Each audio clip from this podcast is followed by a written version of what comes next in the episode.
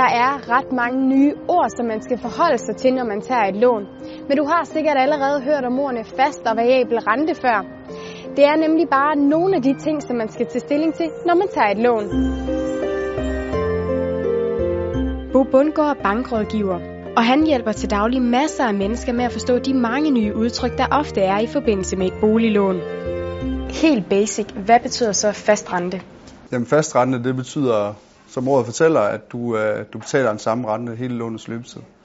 Så øh, hvis det lån løber over 30 år, så, øh, så kender du din rente i 30 år. Hvad betyder så sådan noget som variabel rente? Jamen, variabel rente betyder modsat fast rente, at du ikke kender øh, renten på dit lån altid. Øh, renten den varierer år for år, øh, og typisk så fastsætter man renten øh, for en nærmere bestemt periode, 1, 3, 5 år.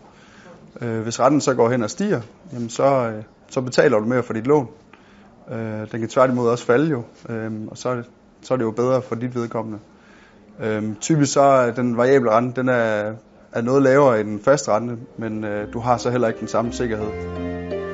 Okay, når vi har slået det fast, så er der altså lige et men, som du skal være opmærksom på.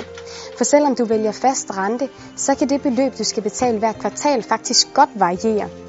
For udover den her faste rente, så skal du også betale det, der hedder et rentetillæg eller et bidrag. Og det er altså lige netop det her tillæg, som godt kan variere, selvom du har valgt fast rente. Hvordan ved man så, hvad man skal vælge af de to?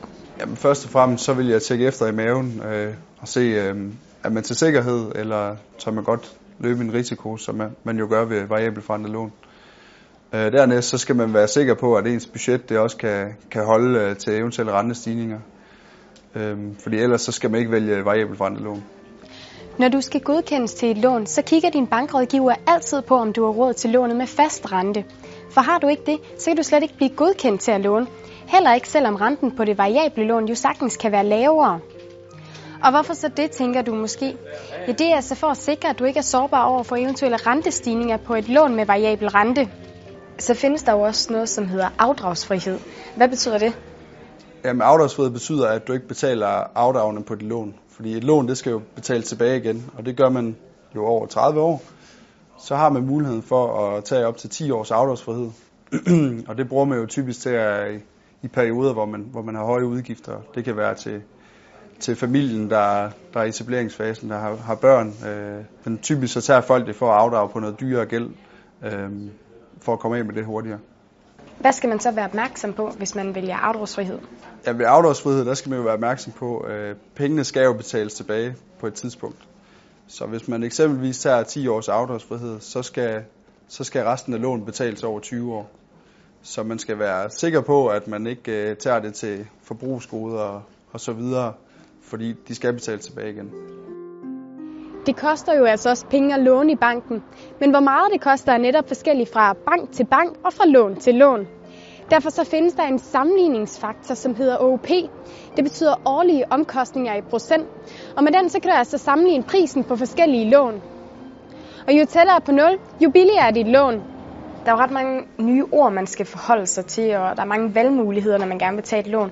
Hvordan vil du ligesom sige, at man øh, finder ud af, hvad det bedste lån er for en selv?